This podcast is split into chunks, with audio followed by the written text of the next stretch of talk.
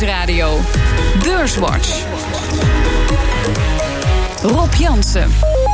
Welkom bij Beurswatch, het enige beleggingsprogramma op de Nederlandse radio. Met Bob Homan van ING en Richard de Jong van Van Lieshout en Partners Vermogensbeheer. Welkom. Um, eerst even kort. Uh, oktober was, zoals wel vaker in het verleden, uh, een beroerde maand voor beleggers. Indices gingen flink onderuit. Maar deze week was er één voor herstel. Um, wat denken jullie? Um, is de correctie op de aandelenmarkt zo'n beetje voorbij? Hebben we het ergste nu gehad? Bob, wat denk jij? Ja, ik zou ze toch zeggen van wel inderdaad. Uh, ik denk wel dat het volatiel blijft, maar ik vond de markt he, vol geprijsd begin oktober is intussen denk ik wel 10% af. Dan zit er weer wat ruimte in. Mm. wij uh, zaten met onze koersdoelen dit jaar voor aandelen 6%. Nou, dat stondje, uh, wat afgebouwd naar neutraal. Nou, nu is er weer ruimte. Er zit weer nou, ik denk wel 10% tussen het koersdoel en, en wat je nu staat. Dus wij, wij zijn kijken met kopersogen nog niet gedaan, maar wellicht volgende week. Oké. Okay. En jij, Richard, mee eens? Ja, mee eens. Kijk, de bedrijfscijfers die we tot nu toe allemaal hebben gezien, die zijn over het algemeen hartstikke goed. Zeker in de VS. 80% is beter dan verwacht. Banencijfers waar we ongetwijfeld straks ook eventjes over zullen, zullen hebben, zijn ook uh, wederom uh, bijzonder goed. Het enige is, uh, de vet kan goed in het eten gooien. Ja. Het was de week waarin ING de boeken opende. De boete van 775 miljoen euro doet de bank pijn, zegt topman Ralf Hamers. Uiteindelijk zit een kwartaal met een zeer duaal gevoel. Dus die schikking is wat pijn doet. De reputatie is wat pijn doet. En dat doet pijn bij onze klanten, dat doet pijn bij onze medewerkers. De schikking doet zeker zijn werking en, en, en terecht. En IBM kocht cloud-dienstverlener Red Hat voor meer dan 33 miljard dollar. Uiteraard is CEO Ginny Rometty enthousiast. This combination is going to lift all of IBM. That includes analytics, AI, that includes our services business. This is about lifting all of IBM, which is why we're so bullish about saying this is a, this is absolutely accelerates our high value model. So not just revenue growth, accretive year one on free cash flow and gross margin. En het Amerikaanse banenrapport kwam vandaag uit. 250,000 jobs, non-farm payrolls rose by 250,000 jobs in October. The unemployment rate unchanged at 3.7%. Average hourly earnings, those were up 5 cents last month to 27.30. Over the year, they're up 3.1%. Ja, laten we eerst maar eens even stilstaan bij dit uh, banenrapport. Het lijkt erop uh, op dat de Amerikaanse banenmarkt in ieder geval nog geen tekenen van zwakte vertoont. En de loonstijging was de sterkste sinds uh, 2009. Bob, dit zegt over de Amerikaanse economie dat het gewoon fantastisch gaat. Ja, draait lekker door. 250.000 nieuwe banen, ook nog weer meer dan verwacht. Werkeloosheid, wat is het, 3,7 procent. En uurlonen 3,1 procent omhoog. Hè. Dus dat is boven de inflatietarget van de FED ook, hè, 2 procent. Dus ja, dat is wat men wil. We zien wat looninflatie. En uh, de, de FED kan doorgaan met, uh, met renteverhogingen... zonder dat het de economie op dit moment uh, zal slopen. Dus in december komt er vast een, een kwartje weer bij. Hm. Maar jij zei net, Richard, die vet kan de roet in het eten gooien. Uh, ja, wat verwacht jij? Uh, ja, even terug op die, inderdaad, die banencijfers. Die, ja. uh, met name de uurlonen waar sterk naar gekeken wordt. Die 3,1 procent. Ja. jaar op jaar, althans een werkloosheid van 3,7. Laagste niveau sinds 49 jaar, als ik me niet vergis. Hm. Um, een van de redenen, uh, als we even teruggaan, waarom de markten de afgelopen nou, maand zeg maar, zo negatief waren, is dat beleggers opeens begonnen te realiseren: uh, frek, de vet begint echt de rente te verhogen al drie mm. keer dit jaar. Mm. En waarschijnlijk, zoals Bob zegt, in december nog een keertje, dan hebben we er vier keer. Mm. Uh, wellicht volgend jaar nog een keer drie keer, terwijl de markt rekening houdt met twee keer. ja, dat zijn wel serieuze stappen als er in, in twee jaar tijd misschien wel 150 tot 200 basispunten bij komt. Ja. en dat is volgens mij een belangrijke reden geweest, los van alle bekende zorgen, mm. waarom de markten negatief waren. Mm. En dit geeft ze natuurlijk wel munitie, want het gaat echt heel erg goed in de VS. Ja, um, ja dus eigenlijk een beetje een, een ja, de, de, de Fed kan de groei ook weer gaan afremmen. Goed, goed nieuws is slecht nieuws. Goed nieuws is slecht, een beetje een duaal verhaal. Ja, maar natuurlijk dat geldt voor Amerika, dit verhaal. Daar is rente ook echt alweer een alternatief hè, mm -hmm. voor beleggers. Voor het eerst sinds ja. 2009 is het... Uh, spaarrente is ook hoger dan dividendrendement op aandelen.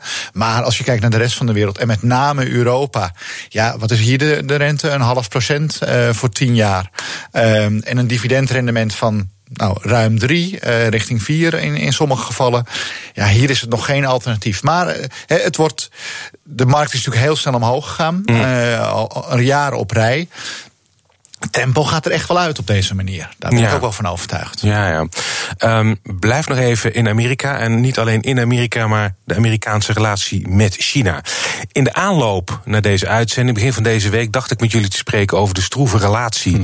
tussen Amerika en China. Maar wat gebeurt er? Trump pakt de telefoon, uh, spreekt met zijn collega Xi Jinping. En ja, ze lijken weer nader tot elkaar te komen. Dat lijkt wat uh, ontdooiing uh, te zijn. Um, Richard, denk jij dat het einde van de handelsperikelen nu echt in zicht is? Nou, ten eerste moest ik wel een beetje omgrinniken. Eh, volgende week zijn natuurlijk de tussentijdse verkiezingen. Ja. Uh, dit is wel uh, heel erg toevallig, uh, maar alles is, is politiek, dus dit speelt wel zeker mee. Ja. Dat hij net voor de verkiezingen even wat positief bericht wil brengen. En laten we ook niet vergeten, dat hebben we ook met de afspraken die Trump heeft gemaakt met, met Mexico en met Canada. Hij wil gewoon een deal hebben. Dat hij ook naar zijn kiezers, naar zijn achterban kan zeggen: kijk. Dat heb ik voor jullie geregeld. Hm. Ook als die deal in de praktijk nou nauwelijks verschilt met de oude overeenkomsten. Maar dan weet hij het nog wel te verkopen. Dan weet hij nog wel te verkopen. En met China heeft hij natuurlijk ook gewoon een punt. En dat weten die Chinezen ook, want daar is de economie niet open. Terwijl ze hier wel alles mogen. Hm. spelen heel veel uh, zaken waar die gewoon uh, met China gelijk in heeft. En de Chinese economie die voelt dit ook. Dus China, en dat laten ze eigenlijk ook wel, wel weten, die is bereid tot zaken doen. Trump is een dealmaker. Uh, dus ik ben er wel positief over dat ze eruit komen. Jij ook, Bob? Ja, ik denk dat ze eruit komen. Maar ja. voor die tijd. Hè, ja. um, Gaan we nog wel. Uh, precies, het is iedere keer uh, Jantje lacht, Jantje huilt. Dus ja. nu is het heel positief. Hij kan volgende week best wel weer roepen. China moet echt heel veel doen om uh, tot een akkoord te komen. En dan mm. draait de beurs natuurlijk weer de andere kant op. Uiteindelijk denk ik dat Trump beseft dat het zeker voor Amerika, misschien nog wel meer voor Amerika dan uh, voor China, pijn gaat doen aan, de economie als we dit echt gaan doorvoeren. Dus ja. dan komt denk ik toch de ratio boven. Ja. Um, waar de ratio nog uh, ver weg lijkt, is Italië. Dan zijn we meteen een stuk dichter bij huis. Um, Italiaanse minister van Financiën heeft gezegd dat hij de Italiaanse banken door dik en dun zal steunen, mochten die in de problemen komen. Dat is iets wat niet zonder meer mag volgens Europese regels. En een ander probleem, deze week is ook duidelijk geworden dat de economische groei in Italië is stilgevallen. Um, dit lijkt me wel een nachtmerrie voor de Europese leiders, Bob. Ja, en dat zal blijven ook. In mijn opinie is het geen crisis. Want uh, ik denk dat ze deze keer vast op een of andere manier wel uit gaan komen. Maar het is chronisch. Een enorm, uh, enorme overheidsschuld zonder economische groei. Ja, dan krimpt die overheidsschuld uh, niet. En uh, zullen de komende jaren zal Italië ons blijven achtervolgen. En vroeg of laat, en dat zal eerder laat dan vroeg zijn, zal Europa daar waarschijnlijk ook een klein beetje op moeten afschrijven. Want anders gaan ze het uh, niet redden. Of ze moeten echt structurele dingen gaan doen. Hè, want het is nu constant. Dat ziet er nu niet naar uit, hè? Nee, we gaan pensioenen verhogen en, en, en een basisinkomen. Ja, prima. Maar je verdient geld door te werken, toch? Ja. Um, Hier wel, ja. Dus um, er zal eerst iets structureels moeten, moeten gebeuren. Hè. Uh, pensioenleeftijd juist omhoog.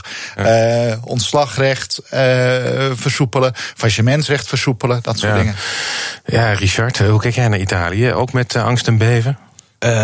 Deels. Uh, kijk, deels is dit. Uh, je hebt dus ook aan de andere kant nog een beetje hoop ergens. Nee, nee, nee, zo bedoel ik het niet. Maar oh. ik bedoel eigenlijk, het is al zo lang eigenlijk bedroevend. Die economische ja. groei die is nu stilgevallen. Ja. Maar volgens mij over de afgelopen 20 jaar lag het rond 1%. Ja, sowieso niet zo briljant. Dus het was sowieso is het al jarenlang kommer en kwel. En ze mm. hebben natuurlijk geen munt meer die ze kunnen devalueren. Mm. Uh, dus ik, ik, ik ben met Bob eens op langere termijn uh, moet er wat aan gebeuren. Of die economische groei moet omhoog. Maar ja. ik zie dat niet gebeuren. Waarom ja. dat de afgelopen twintig jaar niet gelukt is en nu opeens wel. Ja. Uh, laten we het hopen, maar hopen is een slechte raadgever wat mij betreft. ja. Dus ik vrees ook op langere termijn, en, en niet nu, dat is politiek ja. ook niet haalbaar, uh, zeker niet in Duitsland en Nederland. Road. Ja, je, je, moet een deel uh, afschrijven, of zoals het dan gebeurt, wordt er eerst de rentetarieven worden dan aangepast en de looptijden worden verlengd. Maar dan hebben we het wel, dit is geen Griekenland, hè, deels afschrijven op Italië. Dan hebben we het bijvoorbeeld als het gaat om de staatsschuld, de grootste obligatiemarkt van Europa. Ja. Dat, is niet iets wat je even zo uh, Nee, nee, dat zal ook heel subtiel moeten. Ik denk dat Richard al aangeeft hoe je dat zou kunnen doen. Hm.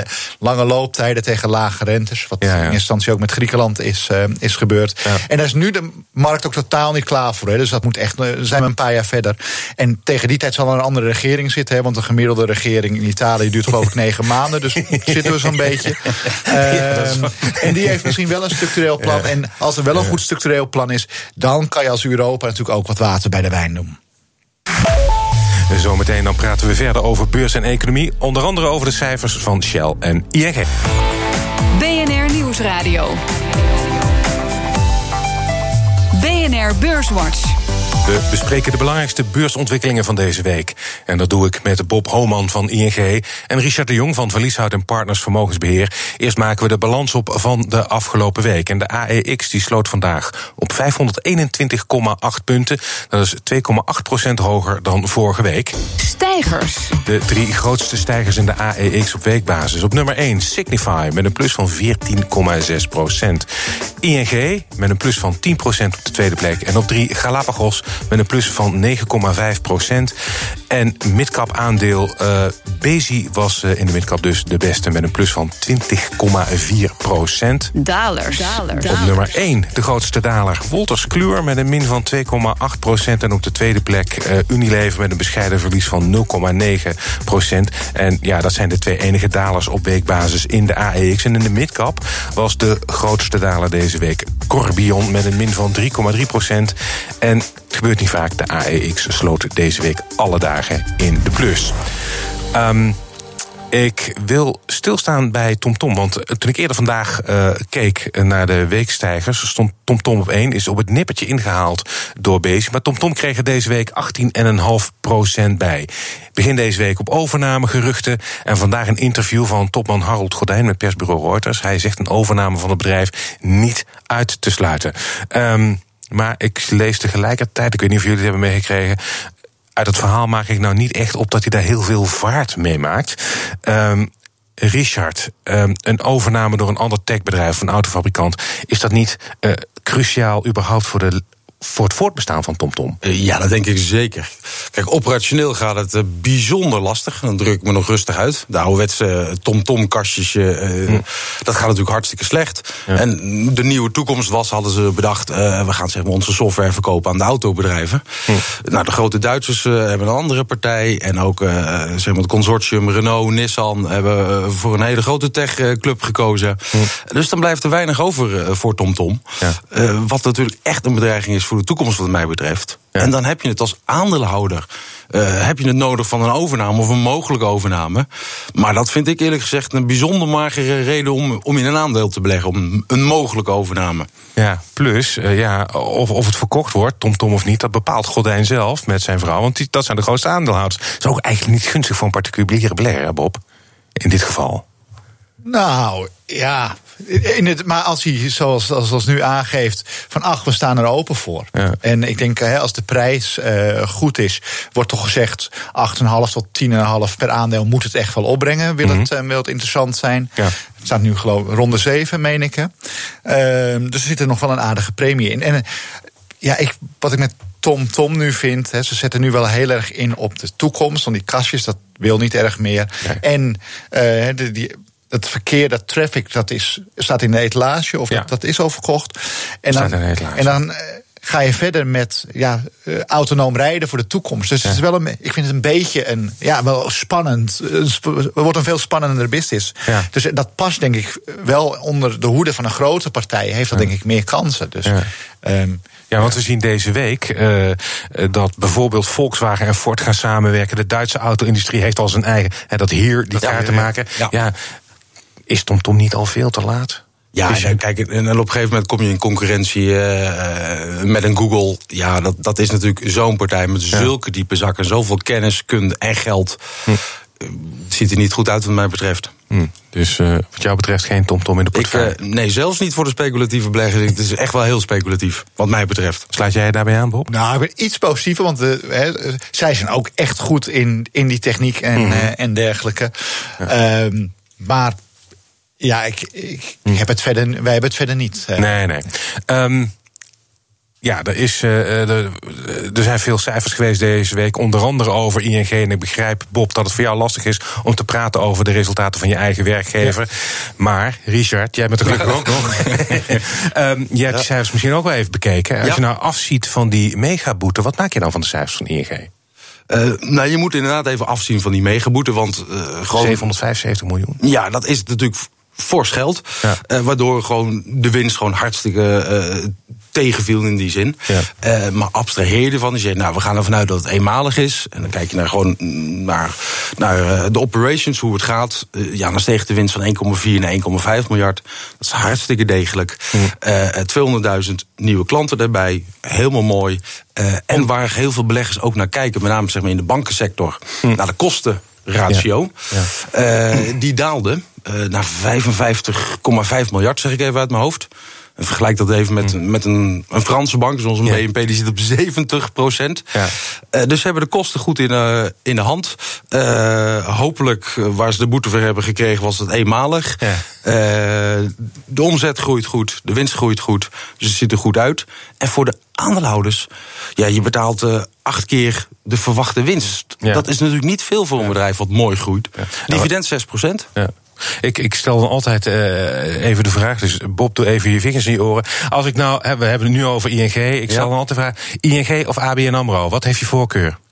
Uh, mijn voorkeur heeft ING op ja? deze niveaus. Op deze niveaus uh, ING. Ja, dat is goed om te horen. um, Een andere grootmacht in onze AEX is Shell. Kom ook met cijfers. Profiteerde van een hogere olieprijs en een hogere gasprijs. Dat is belangrijk, want Shell is tegenwoordig ook behoorlijk groot in gas. Hogere winst dus, hogere omzet. Um, uh, al was dat geloof ik wel een beetje onder de verwachting van uh, analisten.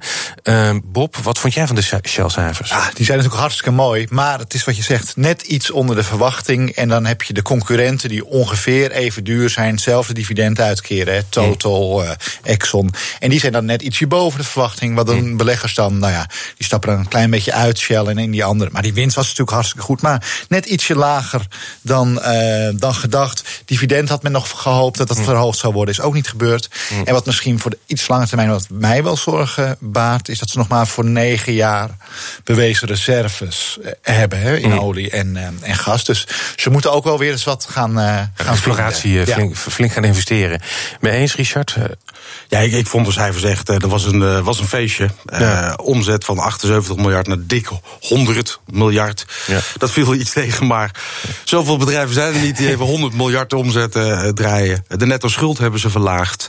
Uh, en met name uh, wat bij oliebedrijven erg van belang is, is de operationele kaststroom. Mm -hmm. Dus hoeveel echt geld, los van boekhoudkundige zaken, mm. hoeveel geld komt er het laadje binnen? Uh, even in dollars net onder de 15 miljard. In één kwartaal. In één kwartaal. Terwijl het nog echt niet zo lang geleden is dat we ons zorgen maakten. Kan Shell het dividend nog wel betalen? Ja. Nou, nu hebben ze en uh, ze hebben het dividend helaas niet verhoogd. Maar ze hebben de schulden afgelost. Uh, ze ja. kunnen extra investeringen doen. Ja, volgens mij zijn ze, en ze wel... kopen nog eigen aandelen. Ze kopen eigen aandelen in tientallen miljarden. Hè? Ja, ja, 25. Ja. En, en, en ja, als je dan denkt, uh, goh, zo'n aandeel noteert 30, 40 keer de winst. Er zat al heel veel goed nieuws ingeprijsd. Dat is ook niet het geval. Ja. Uh, dus wat mij betreft, het enige puntje van zorg, maar dat is niet specifiek koninklijke olie, ja. is dat de olieprijs aan het dalen is de laatste uh, tijd. Ja. Uh, want de olievoorraden stijgen hard. Ja. en dat is natuurlijk geen goed nieuws. Ja, we zijn alweer bijna aan het einde van de uitzending. En dat betekent dat ik uh, jullie vraag om een tip voor de luisteraar. Dat mag een aandeel zijn, uh, obligatie, whatever. Bob, wat is jouw tip voor deze week? Mijn tip zou zijn om een trekker een ETF op de ja. Nasdaq, de uh, Nasdaq te kopen. Want de Nasdaq is de correlatie 10%, veel, 10% teruggevallen. Ja. Uh, Apple viel, nou ja, de cijfers waren goed, maar de verwachtingen waren heel voorzichtig. Ja. Dus vandaag gaat hij ook weer 2% naar beneden. Het is heel volatiel, maar uh, ik vind alle bedrijven die erin zitten nog, nog he, he, die grote in zitten, Apple, Amazon, uh, uh, Alphabet, ja. nog heel kansrijk. En ja. er is wat af, dus een, een, mooi moment in mijn ogen. Een tracker op de Nasdaq, dat is wat jou betreft een goede belegging opwaarts potentieel zo gezegd. Richard, waar ga jij Nou, voor? Ik vrees dat we wat eh, we beter van tevoren hadden moeten overleggen. Want mijn eh, eh, tip was eigenlijk een, een trekker op de technologie-index. Ja. Hij is de Nasdaq iets breder dan de technologie-index. Wel één punt voor mensen die dat interessant vinden. Check even goed wat er in die trekker zit als je dan op de technologie-index doet. Want sommige indices, de technologie-indices, zijn veranderd. Waardoor een Alphabet en een Amazon er niet in zitten. En die wil je er, lijkt mij, wel in hebben. Ja. Dus check het even goed dat het een brede eh, index is. En dus ook een brede trekker. Maar de cijfers waren, eh, wat mij betreft, indrukwekkend van de meeste grote techbedrijven. Koersen zijn desondanks gedaald. Leuk instapniveau. Oké, nou, we gaan het eh, zien of er veel opwaarts potentieel nog in zit. Hangt er natuurlijk ook mee samen of je denkt dat, die, ja, jij zei al, de correctie die is, daar hebben we het ergste wel van gehad. Ja, in mijn ogen wel. Ja. En ook in jouw ogen volgens mij, of niet, eh, Richard? Ja, kijk, korte termijn eh, voorspellen blijft Nee, altijd dat, dat, eh, dat bijna ondoenlijk. Dat vraag ik niet van mijn gasten, nee. Maar de fundamentals zien er hartstikke goed uit. Ja. Hartelijk dank, Bob Homan van ING en eh, Richard de Jong van Van Lieshout en Partners. Dit was alweer Beurswatch. Terugluisteren kan via de site, de app, iTunes of Spotify. En graag tot volgende week.